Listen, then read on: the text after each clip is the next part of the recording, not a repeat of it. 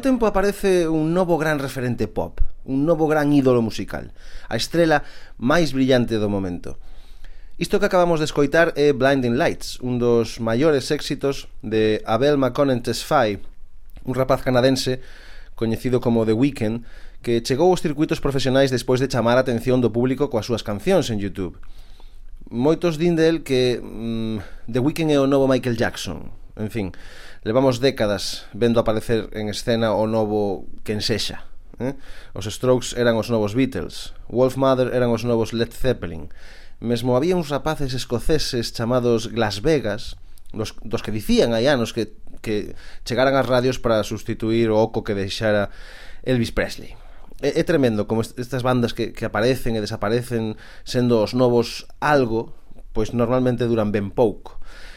Un dos requisitos principais se faz música é ter o teu propio son, igual que en literatura é ter a túa propia voz. Algún escritor que sexa considerado o novo Cortázar, por exemplo, vai ter unha carreira bastante efémera, non? porque Cortázar só hai un. Se dun grupo escoitades que son os novos ACDC, entón ese grupo está condenado a desaparecer en cuestión de poucos anos. De U2, ninguén dixo que eran os novos nada, nin de Metallica, nin de Depeche Mode. Lograr que a prensa diga que é o novo alguén, pois non é algo desexable. De feito, de The Weeknd din que é o novo Michael Jackson, pero tamén dicían o mesmo de Bruno Mars hai apenas uns anos. E por certo, que foi de Bruno Mars?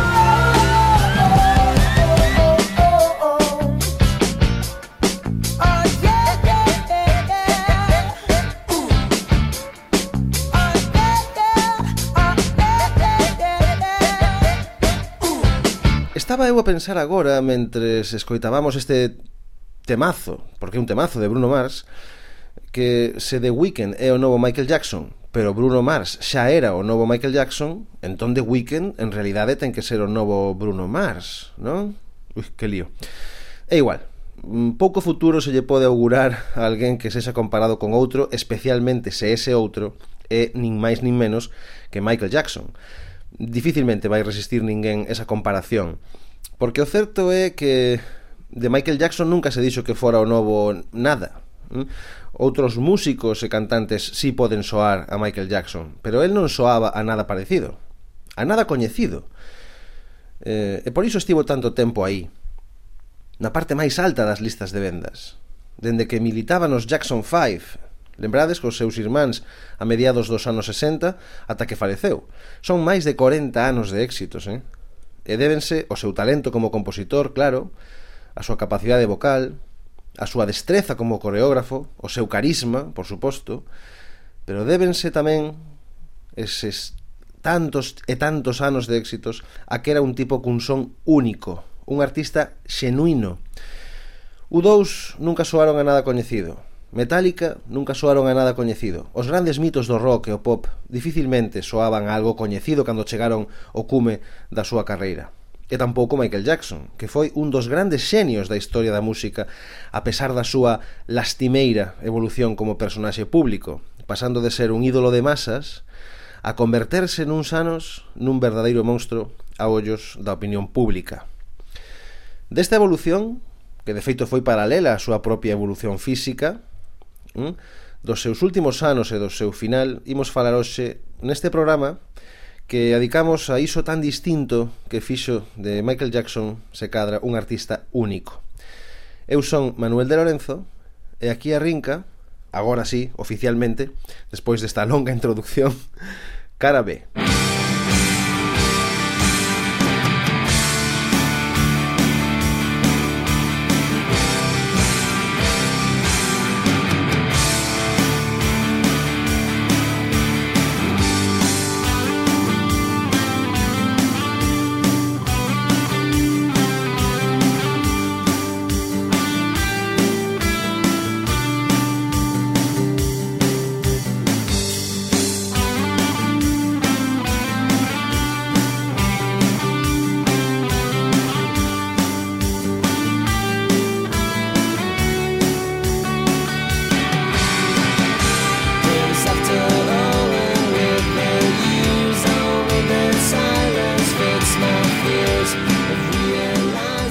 Comecemos cuns datos obxectivos.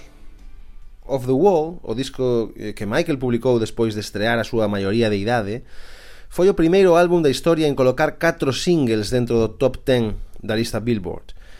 Bad o, o, foi o primeiro disco, o disco Bad foi o primeiro disco que conseguiu reunir cinco números un entre as súas cancións. A metade do disco foi número un, de feito, eh? a metade, eh, dice pronto.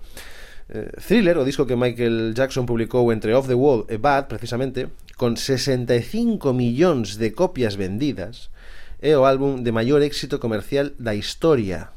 ¿Mm?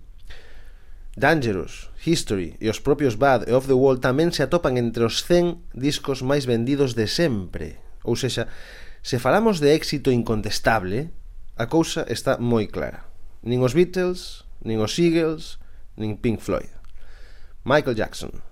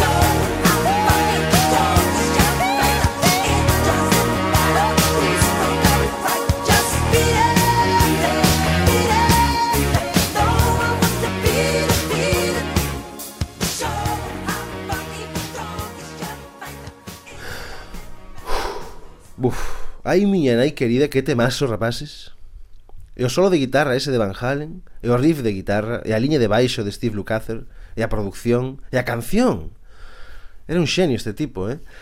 Pero deixade que siga aportando algúns datos Porque a cousa realmente é tremenda Hoxe en día Michael Jackson aínda é o artista con máis álbums no número 1 en Estados Unidos cun total de 17 eh? Tamén é o músico máis laureado da historia con 735 premios, incluindo 13 premios Grammy.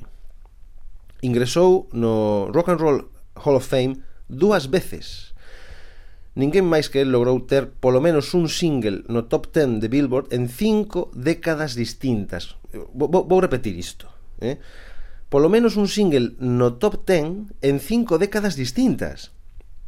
En vida, ademais, foi o artista mellor pagado do mundo. E unha vez morto tamén. Eh? Moito ollo. Segundo a revista Forbes, Michael Jackson xerou 748 millóns de euros só en 2016, por exemplo. Eh? Os beneficios da súa música xeraron case mil millóns de euros só en un ano, o azar. Eh? Insisto no que dixen antes. Nin Elvis Presley, ni John Lennon, nin Bob Marley. Michael Jackson.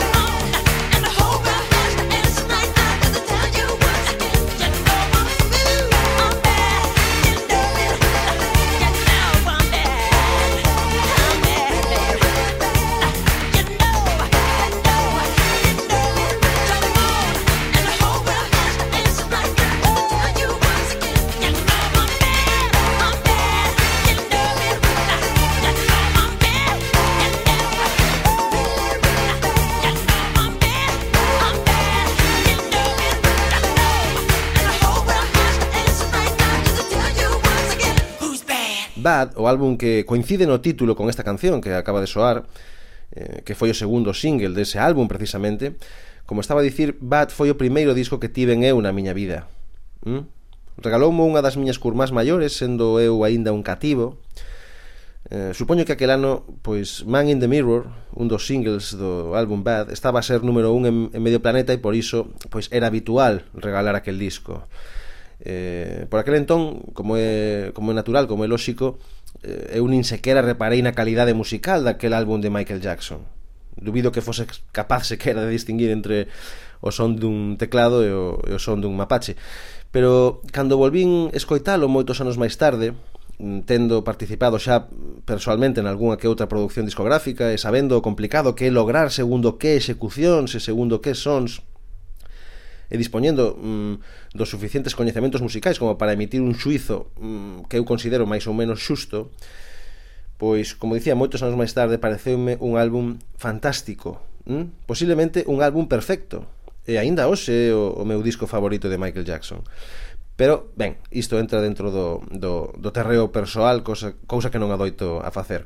A realidade obxectiva é que, é que Michael Jackson foi un dos artistas con máis talento da historia da música. Eh, como xa dixen, foi compositor, foi cantante, foi produtor musical, foi coreógrafo, De feito, ollo isto porque no ano 2010, xa a título póstumo, eh, póstumo un ano despois de morrer, eh, foi incluído no Salón da Fama da Danza. Mm?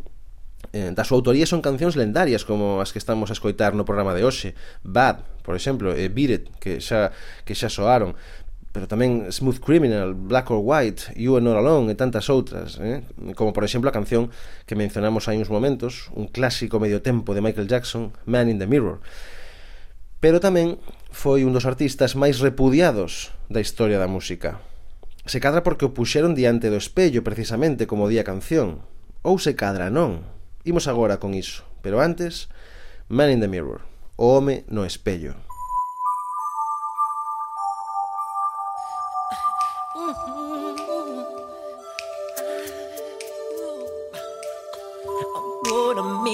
Change for once in my life.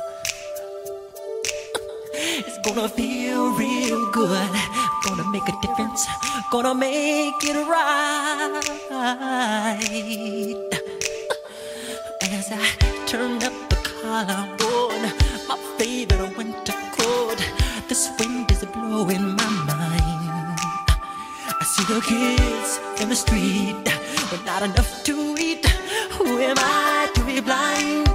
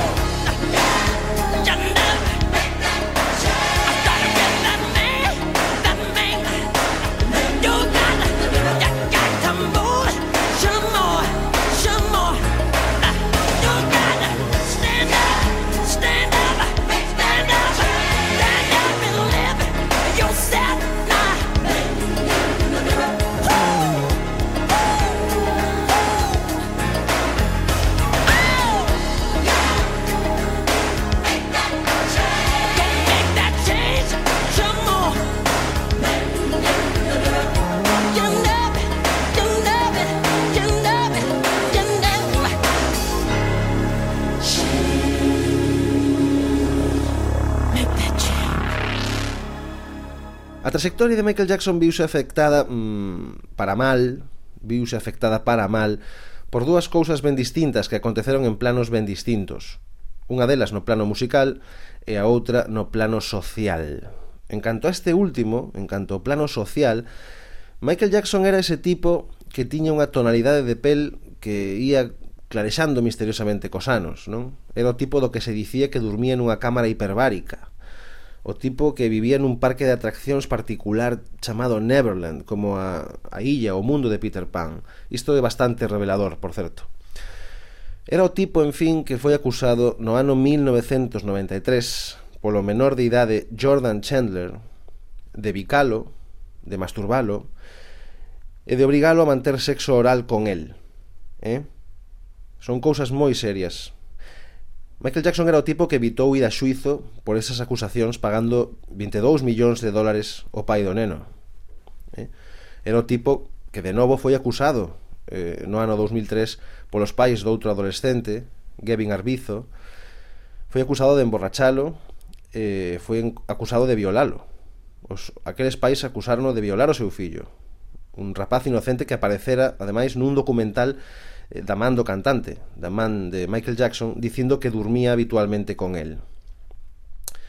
Ou sexa, daba igual que Michael Jackson fora un xenio, daba igual que a súa carreira como artista fose un, un exemplo de talento, de, de dotes para a música, para escribir cancións, para cantar, para bailar. Daba igual o seu éxito, daban igual os seus moitos éxitos. Dende primeiros dos anos 90, Aquel rapaz que comezara actuando nos, nos 60 cos seus irmáns, que se fixera maior de idade nos anos 70 lanzando o álbum Off the Wall e que rompera o mercado nos anos 80 con Thriller e con Bad, agora era para todo o mundo un tolo. A opinión pública xa o xulgara polas súas excentricidades. Pero que aínda por riba estaba a ser sinalado por todo o mundo, por toda a xente e sobre todo pola xustiza como un criminal.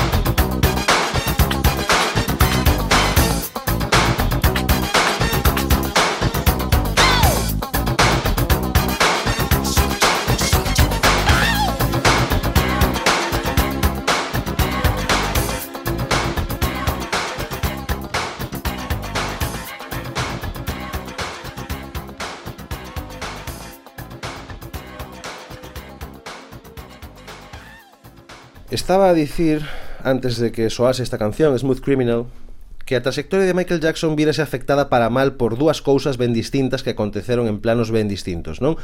Unha delas, se lembrades, a que acabamos de explicar, no plano social. E esta tivo un efecto tan devastador, esnaquizou a imaxe de Michael Jackson dun xeito tan brutal que a trayectoria do artista viuse afectada tamén no musical. Mm? A idea de que aquel tipo estaba tolo e ademais era un pervertido, afectou irremediablemente a súa reputación como músico. De emblema da cultura popular e ídolo de masas pasou a converterse, eh, como dixen antes, nun verdadeiro monstro. E os discos dun tipo así, pois claro, xa non lle interesaban tanto a industria. Mm? Dende o álbum History no ano 1995 ata a súa morte en 2009 tan só publicou un álbum, Invincible. E iso foi no ano 2001. Eh? Invincible foi un disco pobremente recibido tanto pola crítica como polo público. Jackson estaba acabado. Eh? Estaba acabado. A súa carreira entrara nun declive inevitable. Un declive que ademais coincidiu eh, cunha época marcada pola hexemonía da guitarra eléctrica, se vos lembrades, non? A finais dos 90, os sons máis crus do grunge, do Britpop, eh, do metal alternativo. E por iso a Jackson, como tamén lle ocorreu a Prince e algún outro, pois ademais da súa mala prensa, eh, a el foi metido, foi metido no amplo saco do pop fácil e do pop edulcorado, non? E xa non houbo forma de libraro dese desterro. Hm? Aínda que para ser xustos, é certo que ás veces daba a sensación de que se sentía cómodo alentando esa idea eh, de artista comercial con temas cheos de purpurina, de melodías sinxelas e de mensaxes francamente naif.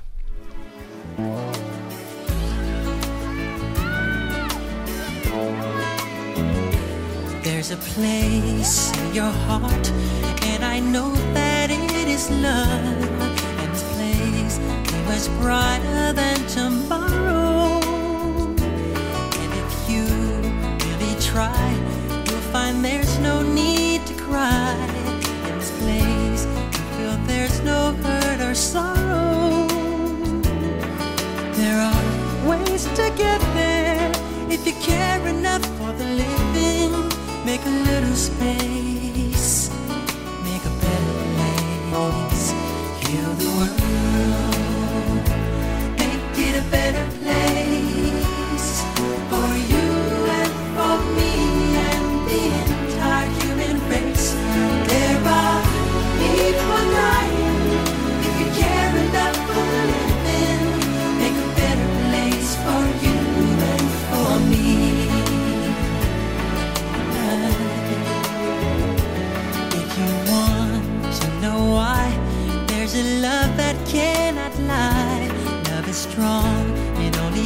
for joyful giving. If we try, we shall see. In this bliss we cannot feel. Fear or dread, we stop existing and start living.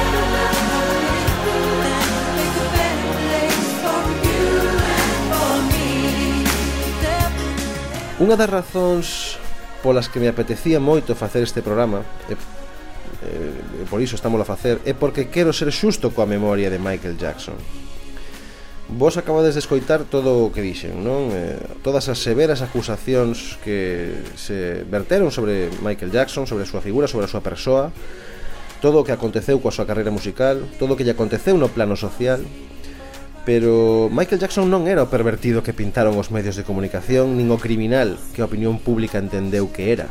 ¿Mm? E tampouco era un músico con obras sen, sen aristas pensadas para ser meros produtos pop. De feito, ese foi un San Benito moi injusto no que se refire ao musical. Eh, o denominado rei do pop tamén tiña composicións magníficas de rhythm and blues, por exemplo, e pezas extraordinarias de soul Mesmo cultivou varios éxitos no funk e tamén nas contadas, nas contadísimas ocasións que se achegou ao rock. O que pasa é que a súa imaxe de músico limitado e vendido á industria do pop comercial pesaba máis que a realidade. E por qué? Por que aconteceu isto? Eu teño unha teoría e consiste en que Jackson non era como os demais. E iso non adoita a sentar ben, e moito menos neste negocio. Michael Jackson non só carecía dos coñecidos ingredientes dos que están feitas as estrelas do rock e o pop, non como por exemplo un ego superlativo, un carácter moi distante, certo malditismo, eh? Non só iso, senón que a súa personalidade aínda por riba era exactamente a contraria. En realidade Michael Jackson era un tipo inxenuo, pueril, totalmente desconectado da realidade, como se fora un neno apresado no corpo dun adulto.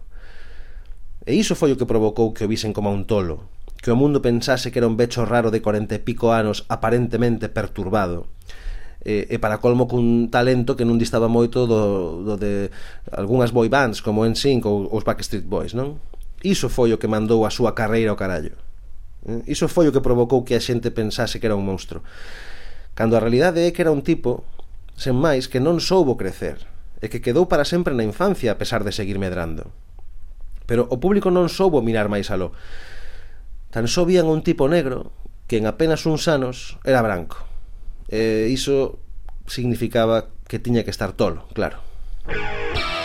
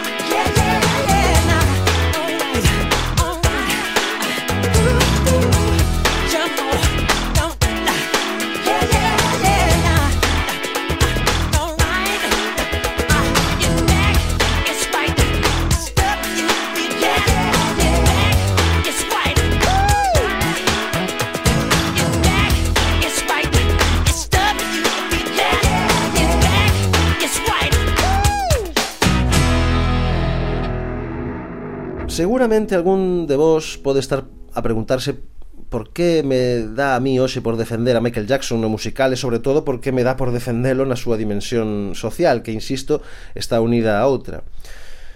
Pois porque ese monstro que foi descrito pola prensa e que todo o mundo creu ver en Michael Jackson era falso.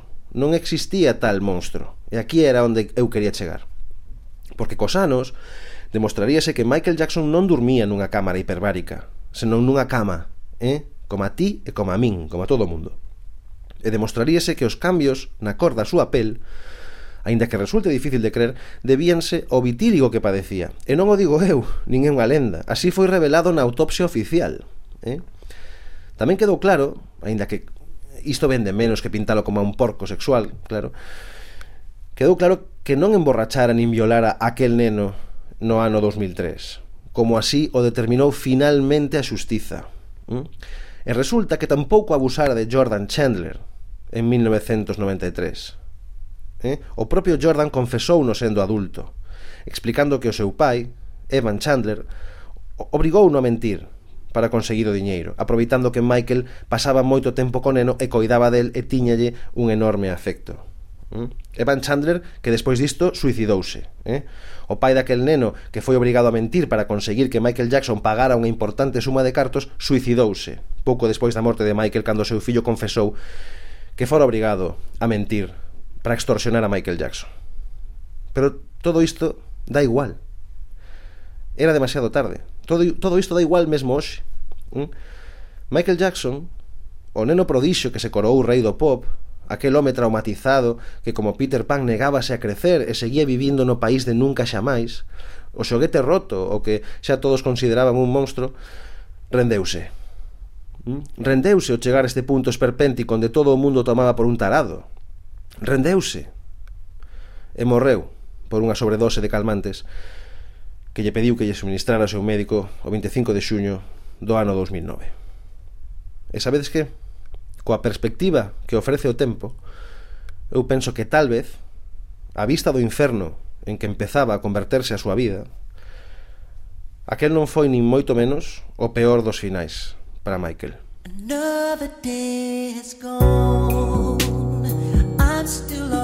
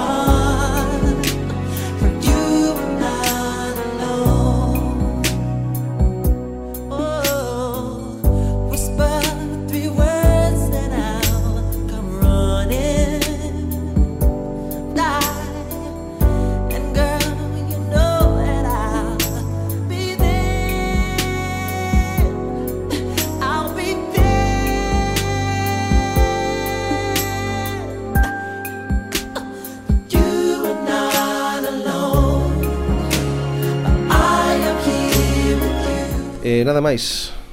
Quedamos en tempo. Quedou dito o que había que dicir. Aquí remata o programa de hoxe. Un programa no que, como sempre, mm, trouxemos vos outra desas historias agochadas nas páxinas que dan forma ás lendas musicais. Historias que nos ofrecen unha cara pouco coñecida da música e dos seus protagonistas, que nos amosan a cara da que non se adoita falar case nunca, especialmente neste caso, especialmente no caso de Michael Jackson. Eh? Esta é a cara B dos feitos cos que se construen os mitos do rock e o pop. En fin, espero que disfrutasedes do programa tanto como a nós e que a vindeira semana regresedes connosco a este outro lado oculto da música. Agardamos por todos vós na nosa e polo tanto na vosa cara B. Coidadevos moito.